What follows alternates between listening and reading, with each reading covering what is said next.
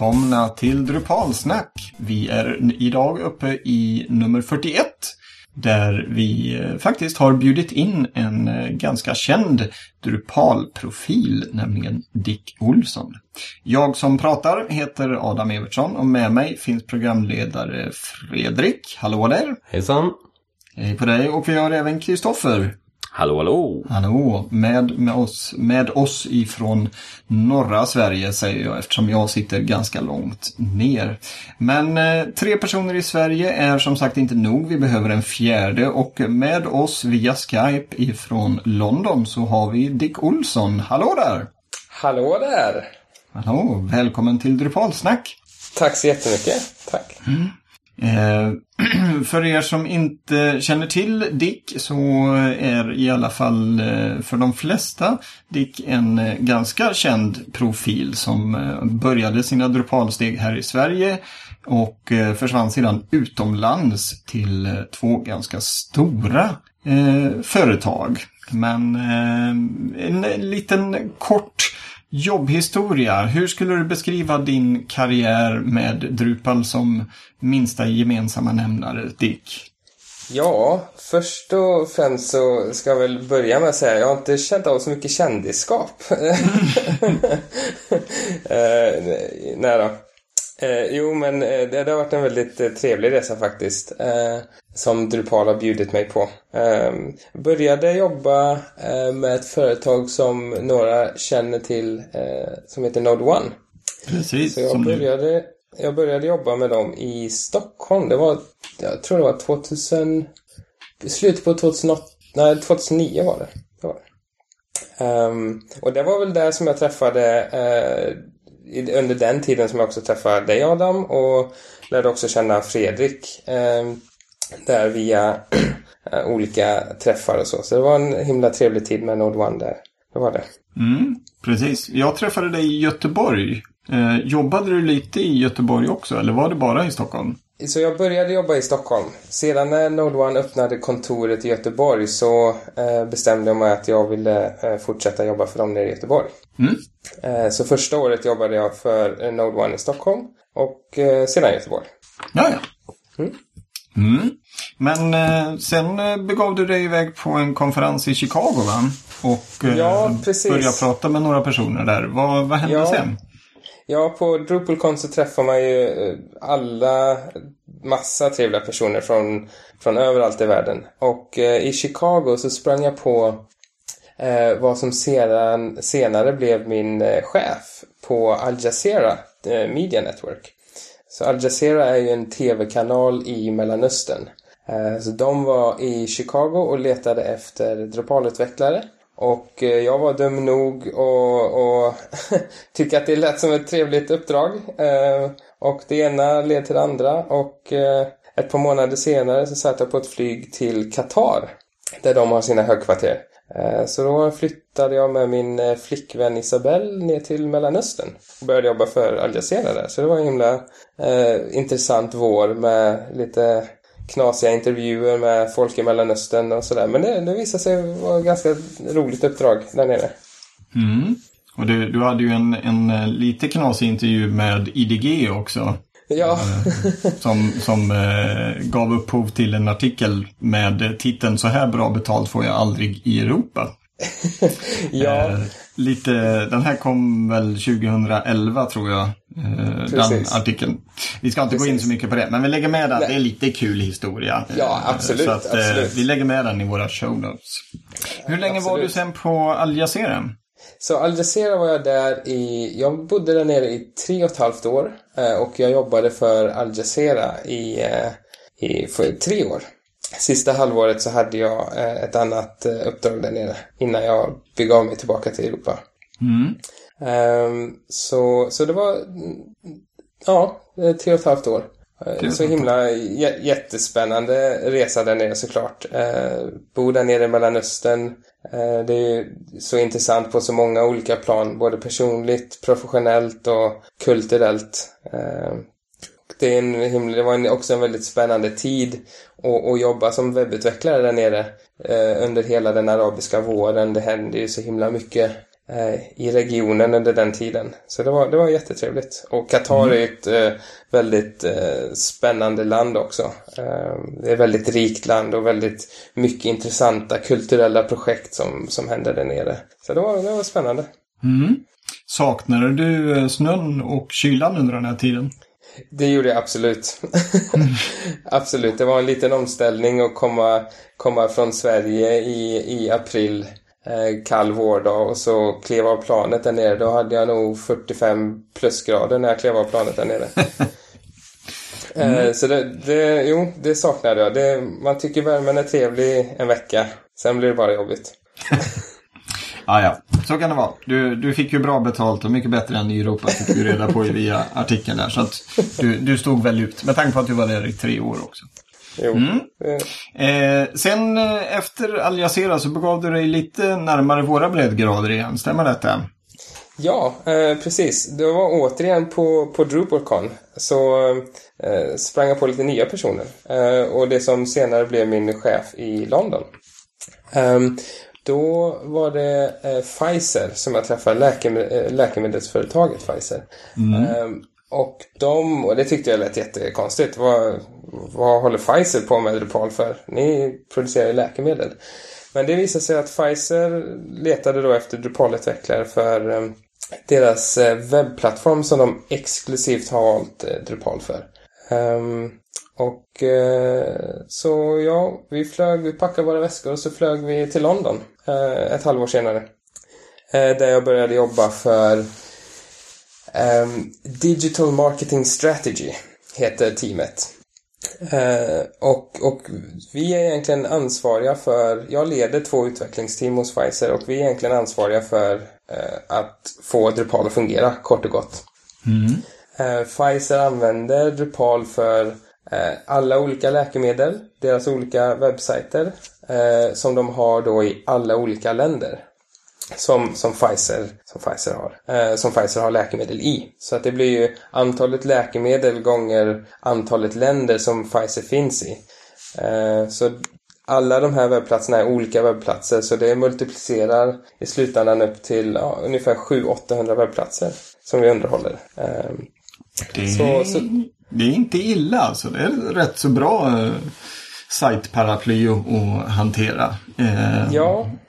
Vet du ifall, ifall det här är den, eller ja, vi kan komma in lite på hur du har byggt upp detta. Men det hade varit intressant att veta ifall det här klustret är något av det största Drupal-klustret. Men eh, vi kan eh, återkomma till det.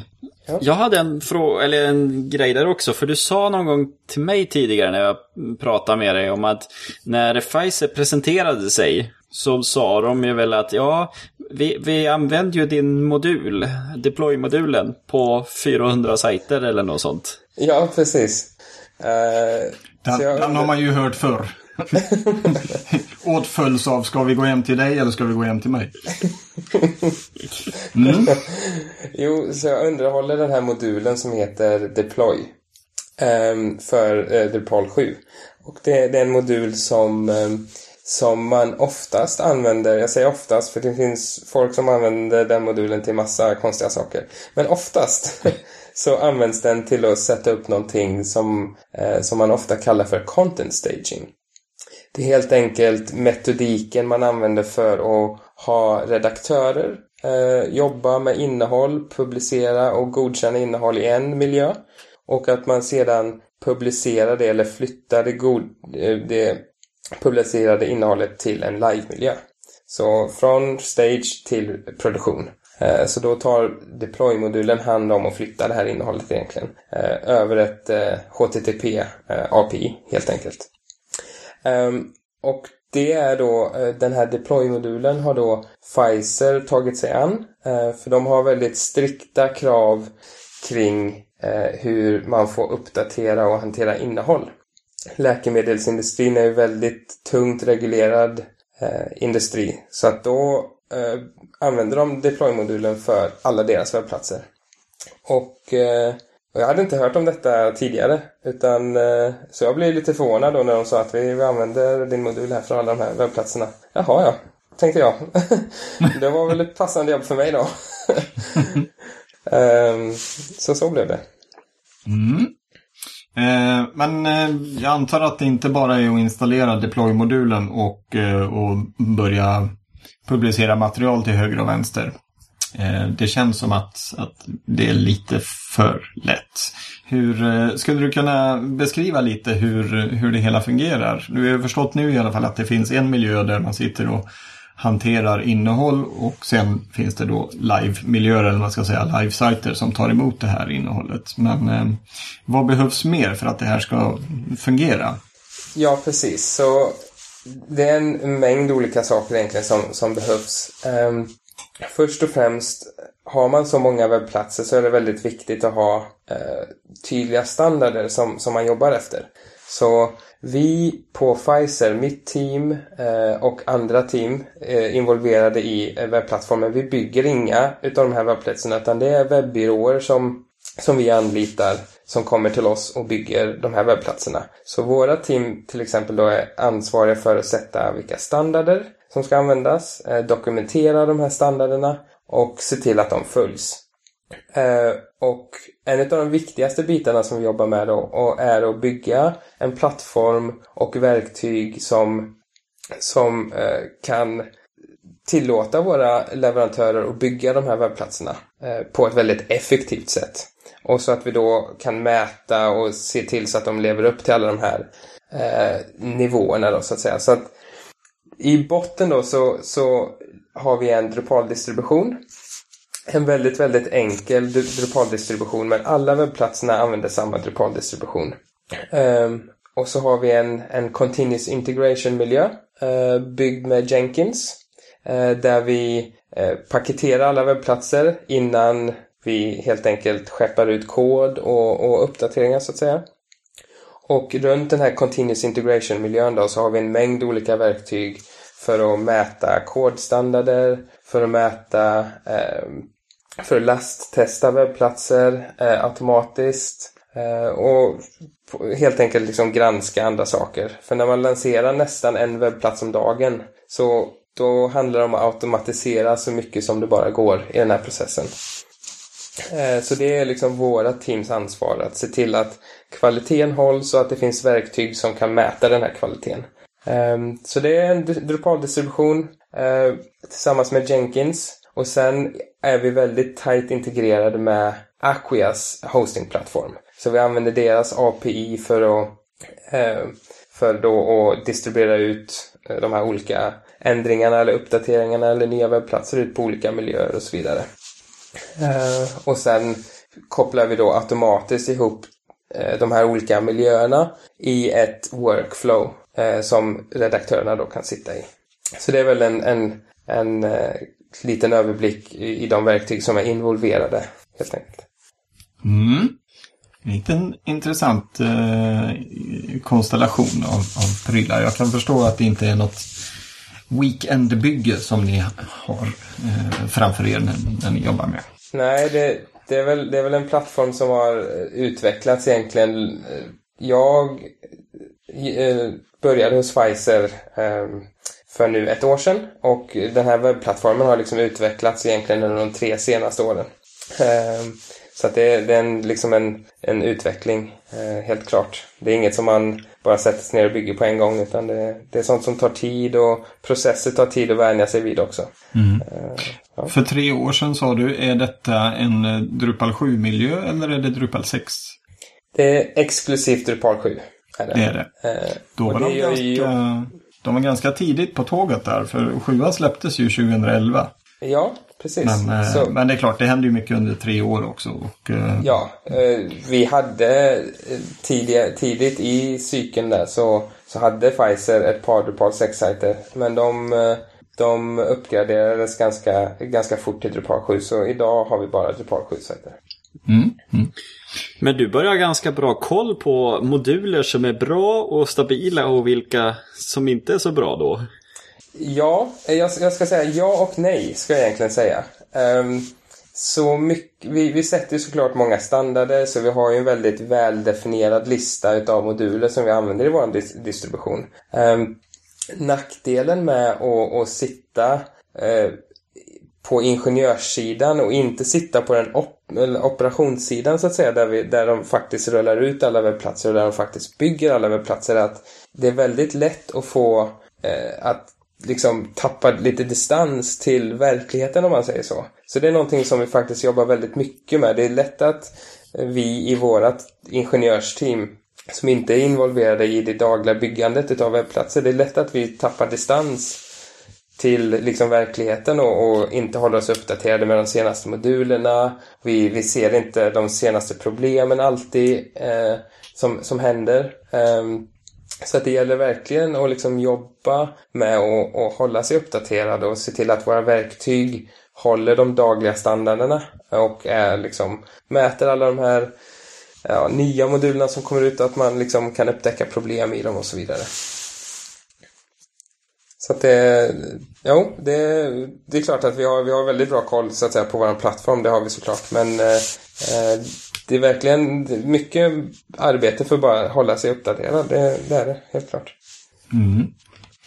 Eh, Fredrik och Kristoffer, i vår lilla lista som vi går efter när vi spelar in våra Drupalsnack-avsnitt så har ni lagt upp några moduler här. Eh, på vilket sätt eh, har de här att göra med Dick eller med hans arbete på Pfizer?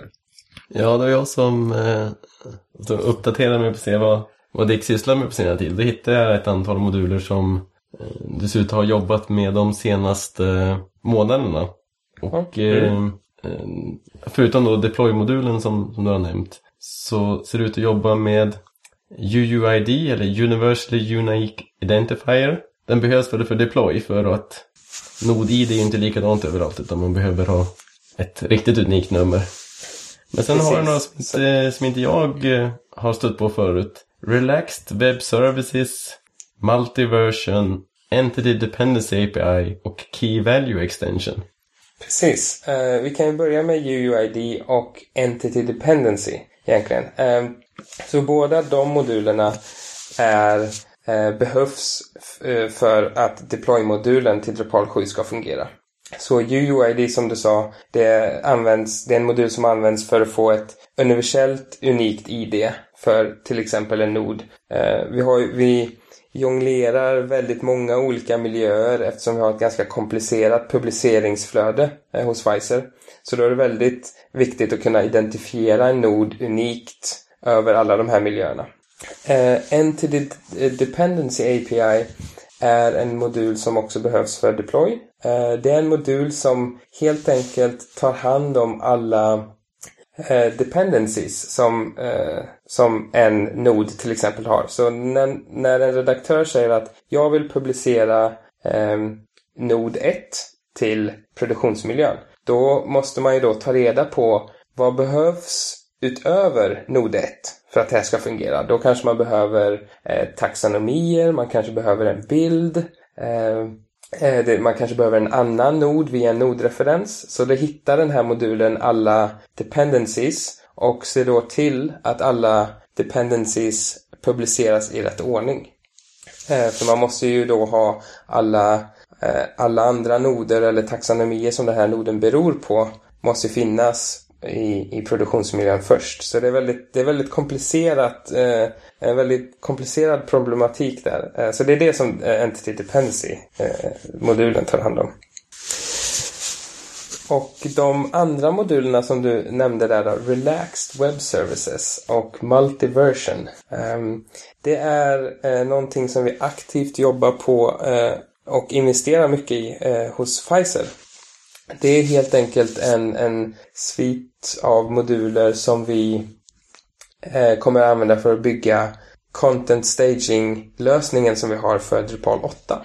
Eh, så jag skulle kunna prata en hel timme om hela, det här, eh, hela den här problematiken men eh, för att sammanfatta det riktigt kort egentligen så handlar, så handlar eh, Content Staging handlar om eh, att förflytta innehåll som vi precis har pratat om. Och för att kunna göra det på ett riktigt effektivt sätt så behöver man ha revisioner överallt. För annars så springer man lätt på konflikter och så vidare när man har mycket olika miljöer. Så eh, Multiversion-modulen, den, eh, den eh, vad säger man? eh, den sätter på revisioner för alla entiteter och ehm, eh, alla innehållsentiteter i, i Drupal 8. Eh, så att man har en full revisionshistorik för allting som händer. Även för termer, användare och rubbet. Även för termer, användare, menylänkar, eh, allt. Eh, allt som är en content entity i Drupal 8 eh, får man helt enkelt då eh, revisioner för. Och den multiversion-modulen den gör det på ett sätt som är väldigt likt Git. Ehm, som, som många som lyssnar på den här podcasten säkert känner till. Så Git sparar liksom hela revisionsflödet eh, och även då eh, grenar eller branch, branches utav eh, liksom revisioner. Och då kan man eh, helt plötsligt då hantera konflikter mycket lättare. Så man har flera miljöer då som, som eh, håller ihop i ett arbetsflöde. Då kan man eh, mycket lättare lösa konflikter om man har full revisionshistorik. Eh, så det är det som den modulen gör. Eh, relaxed... ja. Jag tänkte bara säga, du har ju också en eh, YouTube-del där med, eh, från Amsterdam, där du också gick igenom det hela. Precis. Eh, Så där presenterade jag hur, hur multiversion och eh, relaxed web services kommer fungera som en content staging-lösning i Drupal 8.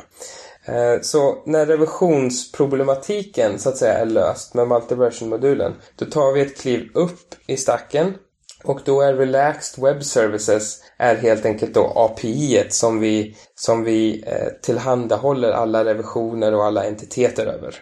Eh, Så Relaxed Web Services är då en förlängning utav RESTful Web Services i Core. Därav namnet. Hahaha. ha. Ehm, så eh, för eh, REST-modulen i Drupal 8 är väldigt bra. Men den saknar ett par viktiga koncept. Till exempel då revisioner. Eh, den kan inte hantera revisioner av något slag utan du kan bara spara senaste revisionen. Och det fungerar inte riktigt bra om man vill kunna hantera konflikter på ett effektivt sätt. Det- REST-modulen i Drupal 8 saknar också koncept av att kunna replikera eller synkronisera innehåll. Så låt oss säga att en miljö 1 behöver replikera allt, eh, allt innehåll till miljö 2. Då är det lättare att kunna säga ta mig från punkt A till punkt B. Och så, och så låter man då API -et liksom replikera eller synkronisera från punkt A till B istället för att man försöker lista ut vad som saknas och flytta saker hit och dit. Eh, så det, det blir ett mycket effektivare sätt att flytta, synkronisera och replikera innehåll mellan sajter. Så det är det som Re- Re- eh, Relaxed Web Services gör. Exponerar helt enkelt det API ovanpå Multiversion-modulen. Så det här kommer helt att ersätta deploy-modulen i Drupal 8.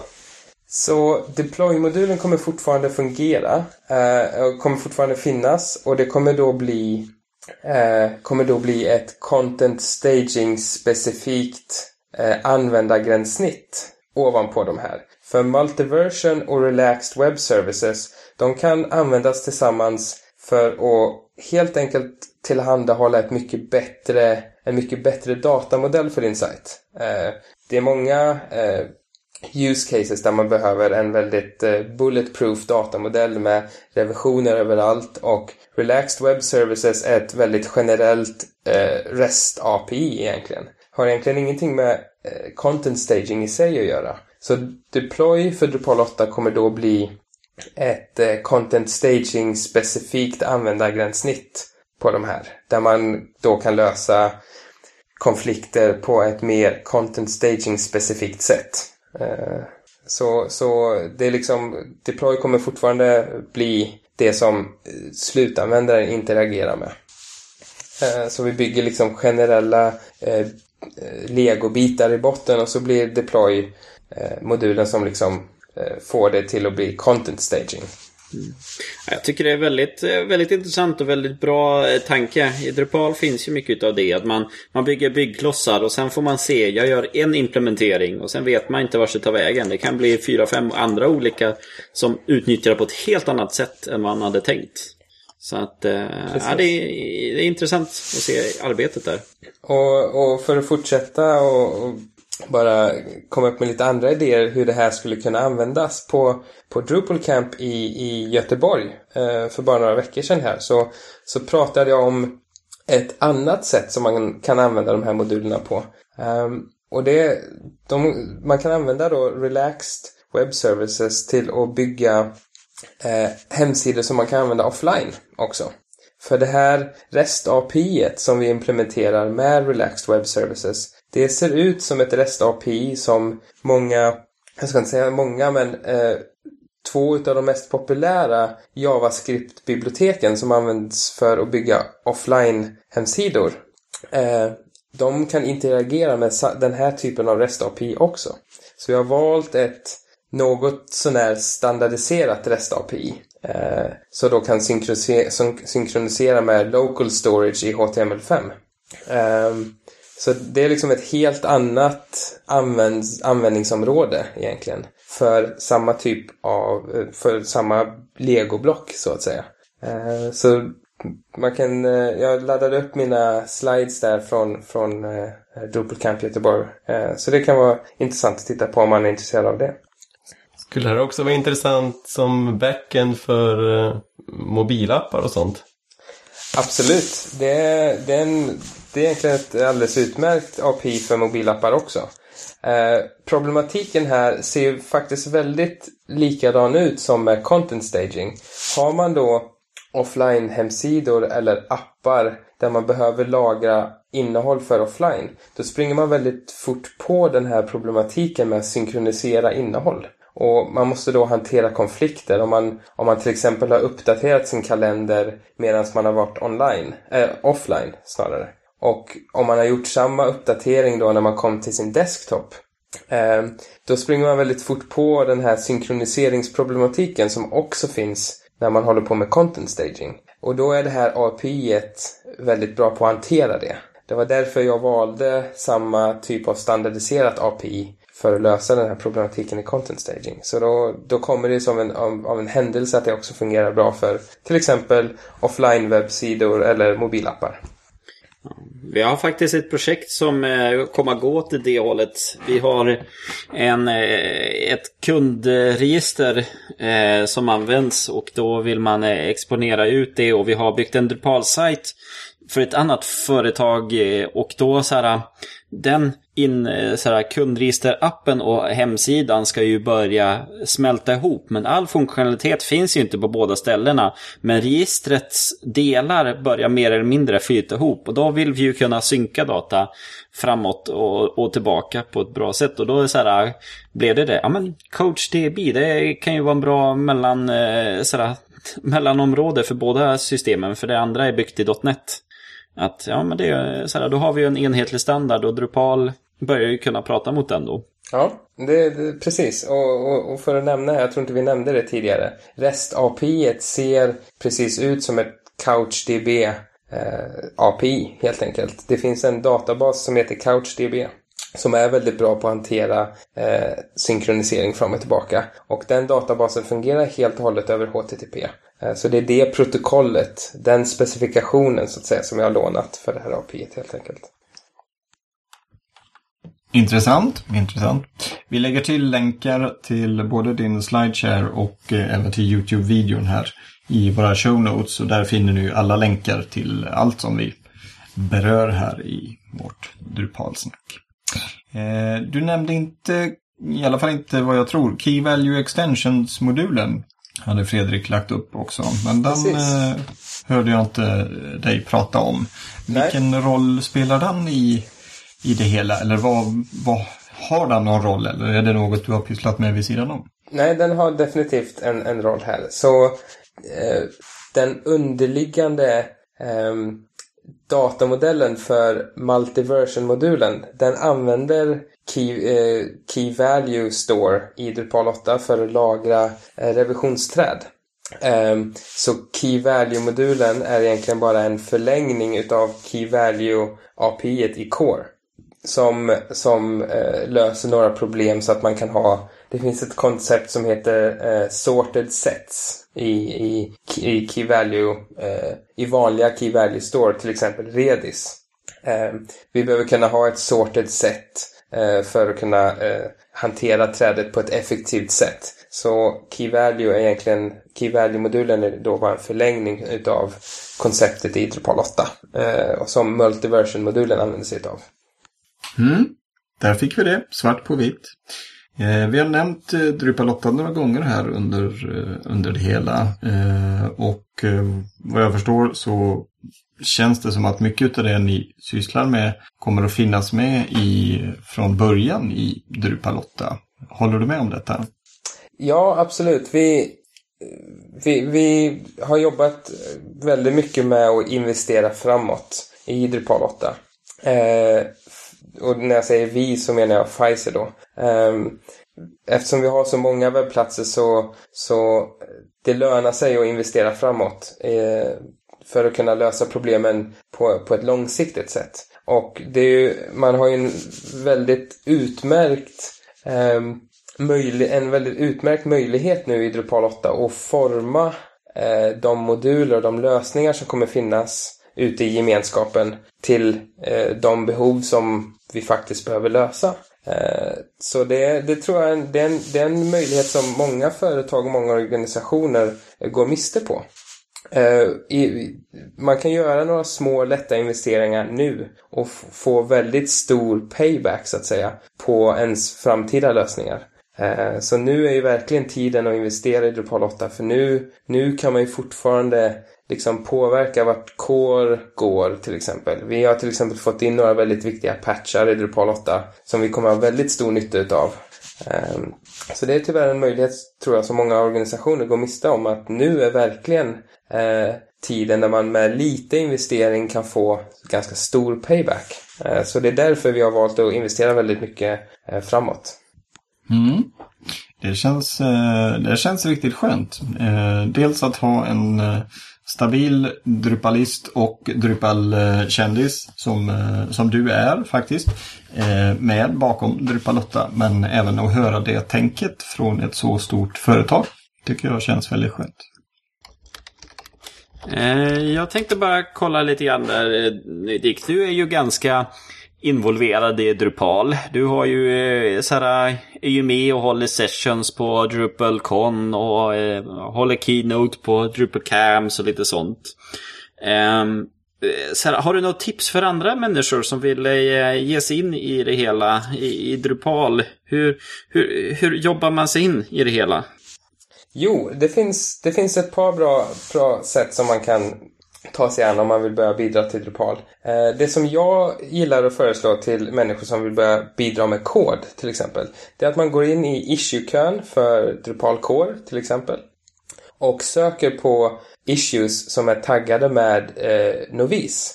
Då får man upp en lista utav ärenden som, som då är eh, specifikt dokumenterade för människor som är nya med Drupal. Kanske inte har kodat med Drupal så länge eller helt enkelt inte är så van vid hela den här processen att bidra.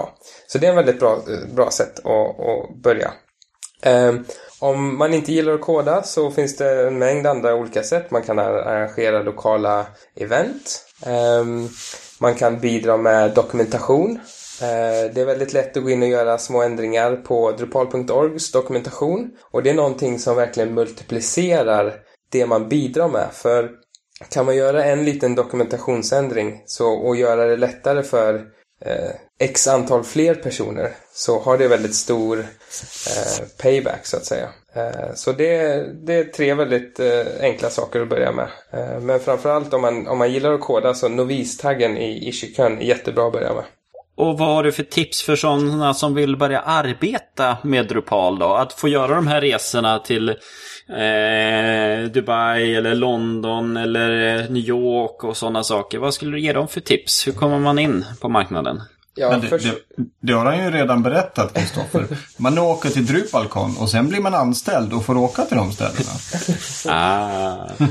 Precis. Nej, förlåt Dick. Vad Nej, tänkte du säga? Jo, men eh, det ligger mycket i vad du säger, eh, Adam. Men först och främst så eh, det absolut häftigaste med allting, eh, oavsett om det är Dubai eller London eller Sverige, det är Drupal, tycker jag. Ehm, eh, att, att eh, att, ha, att vara involverad i den här gemenskapen, det är det absolut häftigaste. Så, så det första man behöver göra om man, om man vill jobba med Drupal, det är att bli engagerad i gemenskapen. Och eh, verkligen försöka hitta sin plats. Eh, hitta det området man, eh, man behöver Eh, jobb, man vill jobba med, eh, det som man tycker är kul och hitta liksom en grupp, annan grupp människor som man verkligen kan liksom jobba tillsammans med. För det är verkligen det som är det, det fina med Drupalgemenskapen. Eh, åka till lokala evenemang eh, och, och kanske senare åka till DrupalCon. Det är då man börjar få de här kontakterna med människor, massa intressanta människor. Och det ena leder ofta till det andra och ja, så är det. Mm. Mm. Där hör ni. Det är och, bara att, att sätta igång. ja. Och det är ju också, jag tänkte på det nu när Drupal 8 kommer, så eh, om man lär sig lite Drupal 8 så blir man ju ganska eftertraktad. För det är ju lite grann en ny kula för många Drupal-utvecklare.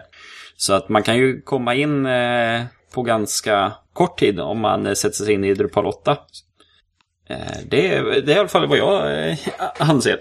Ja, absolut. Och jag tror en, en väldigt viktig sak med Drupal 8 är ju att vi blir ju av med många av de här Drupal-specifika sakerna som, som, som vi har hantera, fått hanterats med så mycket. Ehm, så Drupal 8 eh, tar sig ju an mer, eh, mer standardiserat sätt att utveckla POP på. Eh, eftersom Drupal 8 använder Symfony till exempel och PSR-standarder. Ehm, så då blir det lättare att sätta sig in i Drupal också. Och det är väldigt positivt tror jag för, för vår community. Det blir, det blir eh, lättare då att involvera och engagera eh, fler människor tror jag.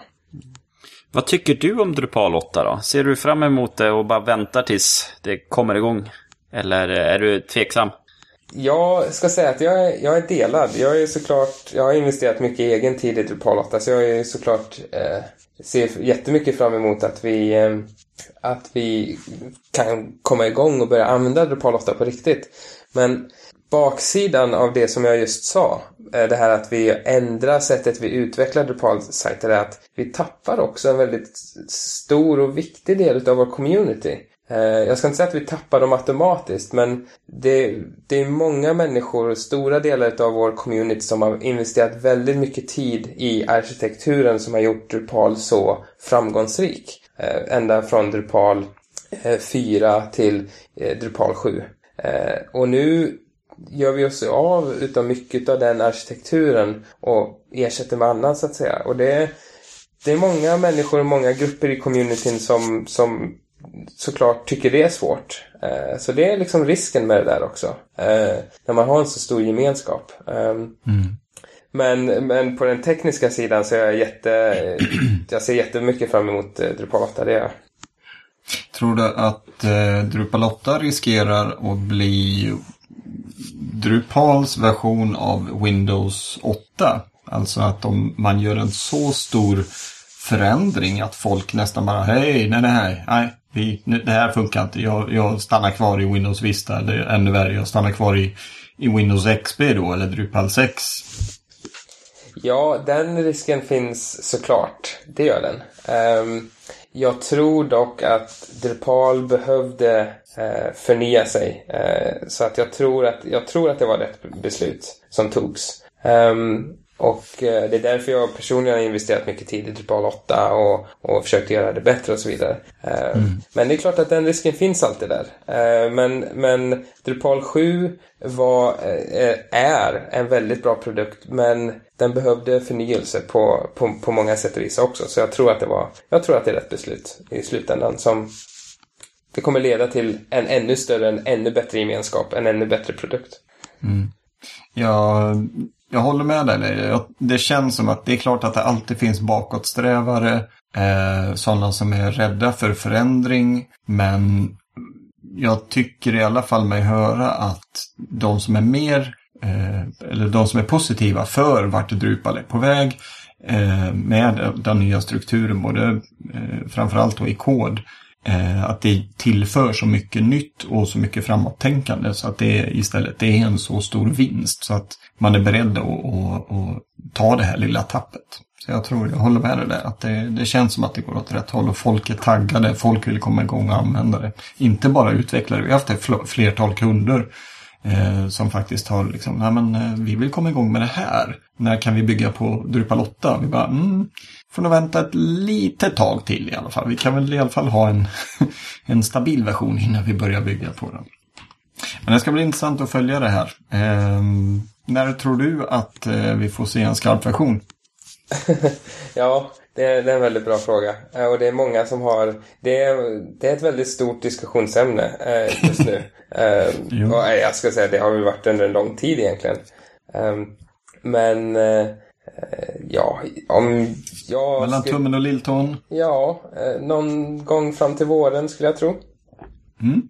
Det har jag också sagt. Jag sa det för eh, ganska exakt ett år sedan tror jag här på Drupalsnack att nu under våren kommer du får ja. Jag, nu börjar jag säga att det, eh, det kommer nog vilket decennium som helst. eh, Angie Byron, eh, hon twittrade ju här om, det var väl någon vecka sedan och frågade eh, alla människor eh, som, som följer henne om att eh, vad behöver vi göra för att få Drupal 8 lanserat till Drupal, DrupalCon i Europa nästa gång. Och DrupalCon i Europa är ju inte förrän i september nästa år. Mm. Så hon tror väl på nästa höst. Jag tror att det kommer att hända lite, förhoppningsvis kommer det hända lite tidigare än det. Men, eh, ja. Vi får väl hoppas på detta. Dries skrev alldeles nyss ett blogginlägg, eh, Annonsing the Drupal 8 Accelerate Fund. Där man kommer att samla ihop, eh, målet är 125 000 US-dollar, så ungefär en miljon kronor. För att hjälpa till att eh, lösa de här critical issues. Ser du där, ser du där. Så att man, eh, man gör lite ryktar och försöker just fokusera på, på den utvecklingen. Han kanske är trött på att få höra frågan. När kommer den? När kommer den? Mm. Ja. Vi eh, har fyllt våran tidslott den här gången och eh, lite därtill. Men det är så trevligt att prata med Dick och få höra om hans vardag i London och på Pfizer. Eh, Dick, är det något mer du skulle vilja säga här innan vi drar åt säcken? Det har varit väldigt trevligt att, att få prata med er allihop här. Eh, det gör jag gärna igen. jag, kan, jag kan prata hur länge som helst om, om vad som helst som gäller Drupal. Så det, du, ja, du ska det... få, vi, vi, kommer ju ha eftersnack här när eh, avsnittet är officiellt avslutat. Eh, så att ni som vill fortsätta höra Dick får ju hålla, hålla er kvar och stanna kvar här och lyssna. Så då, du kommer att få prata mer. Du behöver inte... Ja, vad härligt. Eh, Fredrik, Kristoffer, eh, är det något ni skulle vilja säga till eh, Dick eller fråga honom innan vi avslutar? Hur tyckte ni det var att ta den här säkerhetspatchen som kom? Eh, Drupal Gaddon. Ja, eh, oh, det var ju himla var lite intressant. Nu var ju vi väldigt lyckligt lottade. Eh, vi, hade ju, vi har ju våra webbplatser eh, hos Acquia. Och de hade ju då en automatiserad lösning för alla våra webbplatser bara några minuter efter att de lanserade den här fixen. Så det var väldigt trevligt. ja, ni kom undan med eh, andan i behåll eller vad man ska säga. Ja, precis. Mm. Vi kan prata mer om Drupalgeddon i eftersnack här. Det, det är också något man kan prata väldigt mycket om. Då skulle jag vilja säga tack så mycket Dick för att vi fick eh, stjäla dig i afton och eh, prata lite om eh, din vardag. Tack så mycket. Och innan vi avslutar här så skulle vi också vilja påminna om eller belysa att Fredrik, vår programledare här, kommer att bli pappa igen i vår, i januari. Vilket gör att han tar pappaledigt eh, under 2015 ifrån Drupalsnack. Eh, vi söker fortfarande folk som skulle vilja vara med och prata Drupal i Drupalsnack. Och eh, skulle ni vara intresserade så surfa in på drupalsnack.se och klicka er fram till kontaktformuläret och skicka in några rader. Eh, man behöver inte vara Drupal-expert, långt därifrån, utan ett eh, helt enkelt ett genuint Drupal-intresse. Frontend, backend eller någonstans mittemellan. Eh, så kan man helt enkelt kvala in. Eh, det här blir också vårt, eh, vår sista podd för i år. Så vi avslutar 2014 med nummer 41 och eh, vårt avsnitt med Dick Olsson. Vi tackar för i år. Passa på att önska god jul och gott nytt år. Så hörs vi igen 2015 helt enkelt. Ha det så bra allihopa. Hej då! Hej då! Hej då!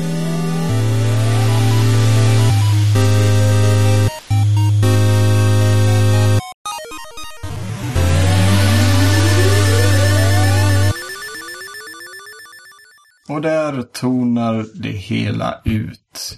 Det här blir eh, 2014 års sista eftersnack. i eh, V4. Dick är med oss fortfarande tillsammans med Fredrik och eh, Kristoffer.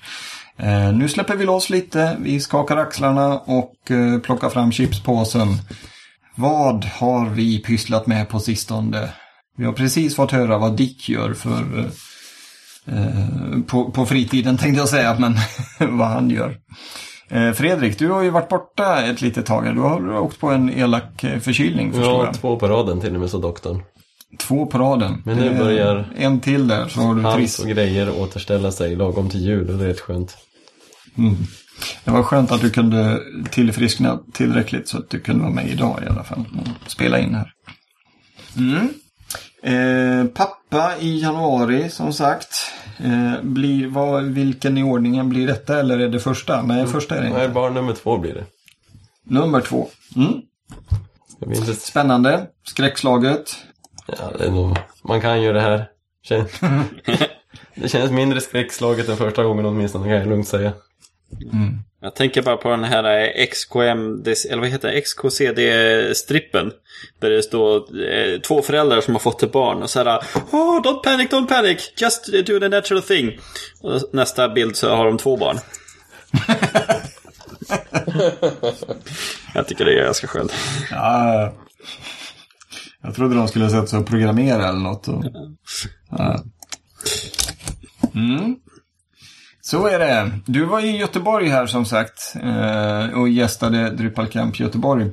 Eh, du kom hem eh, utan problem förstår jag. Var det jag eller Kristoffer, eller vad säga? ja. ja det, du har, det har du ju rätt i. Det stämmer ju faktiskt in på er, er båda här. Men jag tänkte faktiskt på dig Dick. Förlåt Kristoffer. Ja, jag, jag, jag, tänkte nog säga att det var nästan en längre resa för Kristoffer, så jag nog kunna tro. Än ja. vad det var för mig. Um, jag fick göra ett flygbyte. Ja, det behövde inte jag göra till exempel. jo, jag kom hem helskinnad. Det gjorde jag. Uh, mm. Tillbaka till verkligheten. Det var ett jättetrevligt camp, verkligen. Uh, det tycker jag. Uh, väldigt uh, välorganiserat och mycket, mycket trevliga människor där. Oh.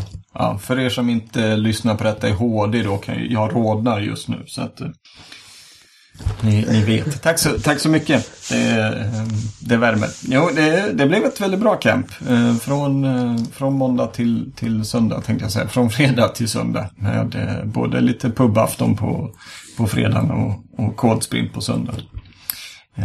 riktigt bra får jag säga. Men lite... Eh, eh, vad, heter, vad heter han nu? Eh,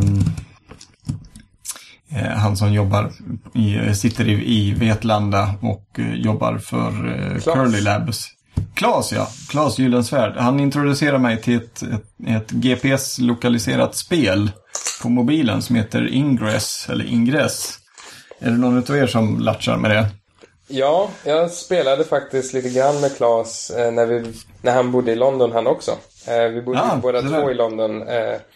Eh, Eh, en tid. Um, så, så då spelade vi Ingress lite grann tillsammans. Jag uh, kom ju aldrig ikapp Klas riktigt. Han är verkligen baddare på det där alltså. Um, men himla, himla roligt spel faktiskt. Väldigt engagerande. Mm.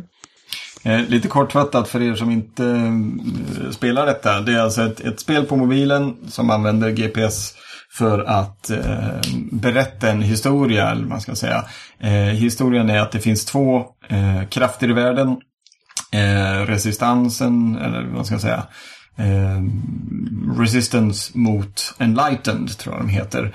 Eh, och så har man portaler på olika ställen runt om i världen där det kommer ut materia då som man kan samla på sig. Eh, och det gäller att paxa de här, eller vakta de här portalerna.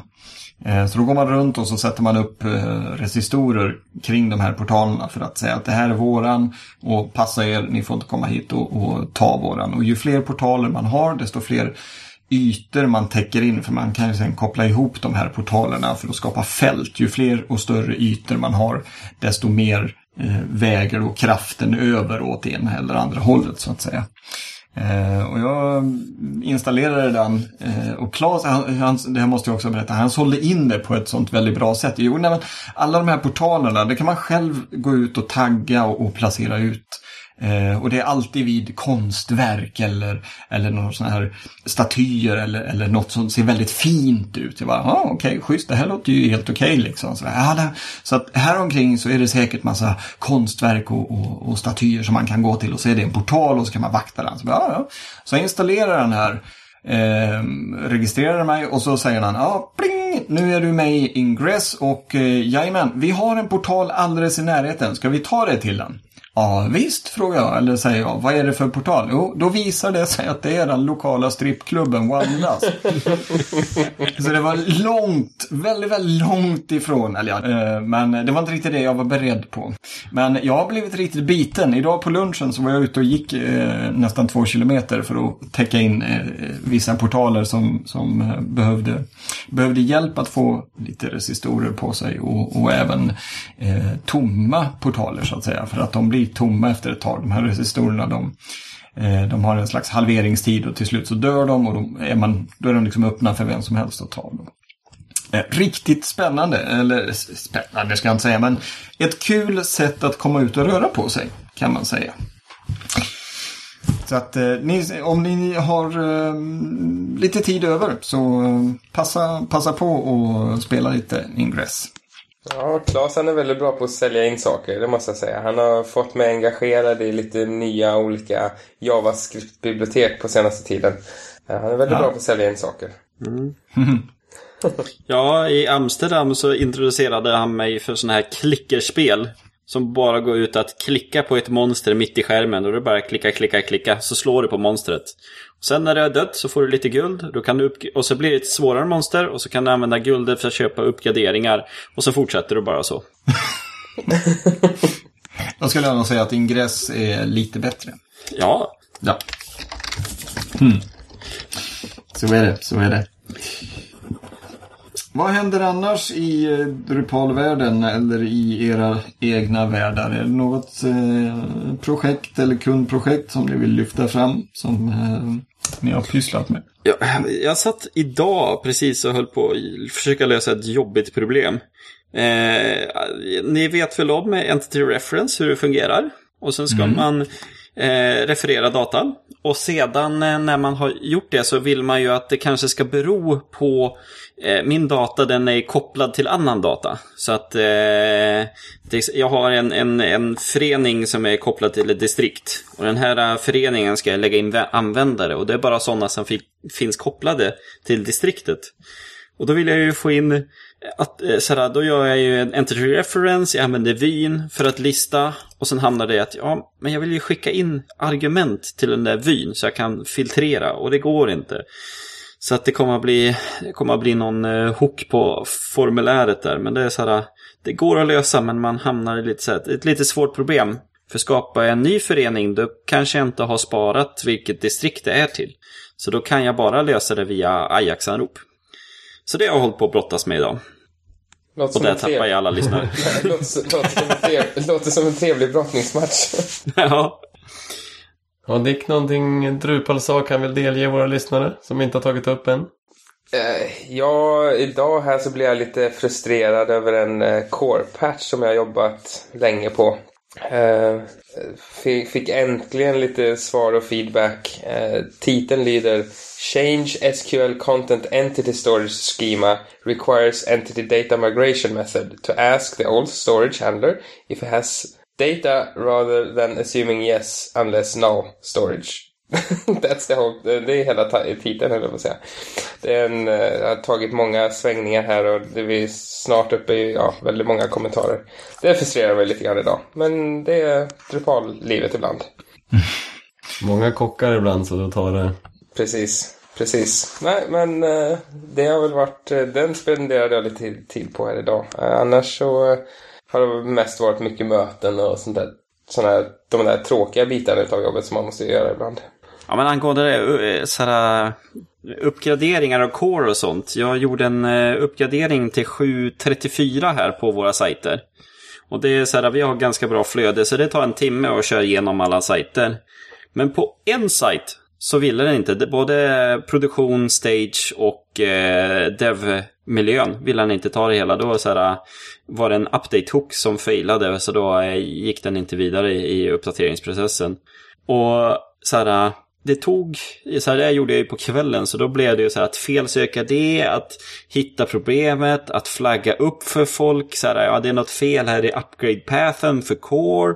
Eh, till slut hittade vi att det var inte 734, det var 733 som det hade varit. Jag hade inte lagt på den tidigare. Och sedan så är det det att min databas, eh, blocktabellen, hade en titel som var null. Och enligt Core ska det fältet aldrig få vara null. Men någonstans ett år tillbaka när jag har kollat i, i eh, backupen, så mellan januari och februari så har jag i min eh, kod fått en, eh, en, en introducerat en null i min databas. Och jag vet inte hur. Och sen så, ja, men då släppte det lite grann. Nu är det tre andra personer som har haft samma problem också. Så att, eh, intressant där. Men man, eh, det var ändå lite kul den kvällen att till slut få svar ifrån den killen som eh, släppte 3, eller 7.34 och få feedback tillbaka att ja men det där ska fungera, det, det är någonting annat fel. Att kunna bolla lite grann på IRC och på issue-tråden. Så att, eh, ja det var lite kul men det var lite frustrerande så här kväll, eh, nattjobb. Mm. Jag kan säga att, eh, att ditt, ditt svar där hjälpte faktiskt på en av våra sajter. För vi fick samma fel. Mm. Jag tror att min kollega svarade på issue-tråden. Jag är inte säker. Vi pratade om att han skulle göra det i alla fall. Men eh, om han inte har gjort det så tack så mycket. Det, det löste vårt problem på, på en av sajterna. Drupal-communityn i sitt bästa sida. Ja, precis. Det, tack, vare, tack vare din SQL-sats så, så kunde ju vi komma vidare och lösa, eh, lösa problemet och göra uppgraderingen. Så att, eh, ja, nej, verkligen. Ja, vi sparade ju åtskilliga timmar där antagligen. Eller ja, det vet jag inte. Men eh, det, det blev bra mycket lättare. Ja, man får ju framförallt en trygghet att veta att ja, ja, men det är fler som har haft samma problem. Och det, det är så här, det kommer, det kommer att ordna sig om jag gör så här. Ja, men då gör jag de stegen. Yes. Ja, här nere är det fortfarande osnöigt. Jag vet att ni har snö uppåt landet. Eh, men eh, julen är på gång. Så vi kanske helt enkelt ska ta och runda av och tacka för oss för i år. Eh, nästa avsnitt är nummer 42. Och eh, jag har i alla fall flaggat för att jag vill ha en massa referenser till Liftarens guide till galaxen. Eftersom det är nummer 42. Och de som inte fattar, de skiter jag i. Medan de som fattar applåderar jag. Men eh, Dick, tack så jättemycket för att vi fick låna dig och eh, ha med dig i programmet. Vi fattar vinken om att du vill vara med fler gånger. Så att vi kan nog tänka oss att bjuda in dig. Jag gillar helt enkelt att prata om Drupal. Ja, precis. Nej, det var jätte, jättetrevligt. Tack så jättemycket. Det har varit eh, helt underbart. Mm. Tack för att du kom. Och eh, Fredrik, eh, lycka till med alltihopa nu. Hoppas att allt går bra. Och skulle du få eh, inkontinens tänkte jag inte att det skulle heta utan eh, eh, vad är ordet jag är ute efter? Om du saknar oss. Abstinens, säga istället. Abstinens, ja. vi, vi kan väl vänta med inkontinensen några år. Eh, om du får abstinens så är det bara att höra av dig så får du hoppa in i något av avsnitten. Och eh, Kristoffer, tack för det här året. Tack själv. Så eh, ha en riktigt god jul och ett gott nytt år önskar jag er och eh, er lyssnare som har stannat kvar här och lyssnat på vårt flams i eftersnacket. Så eh, hörs vi 2015 i Drupalsnack. Ha det så bra. Hej då! Hej då! Hej då! Hej då!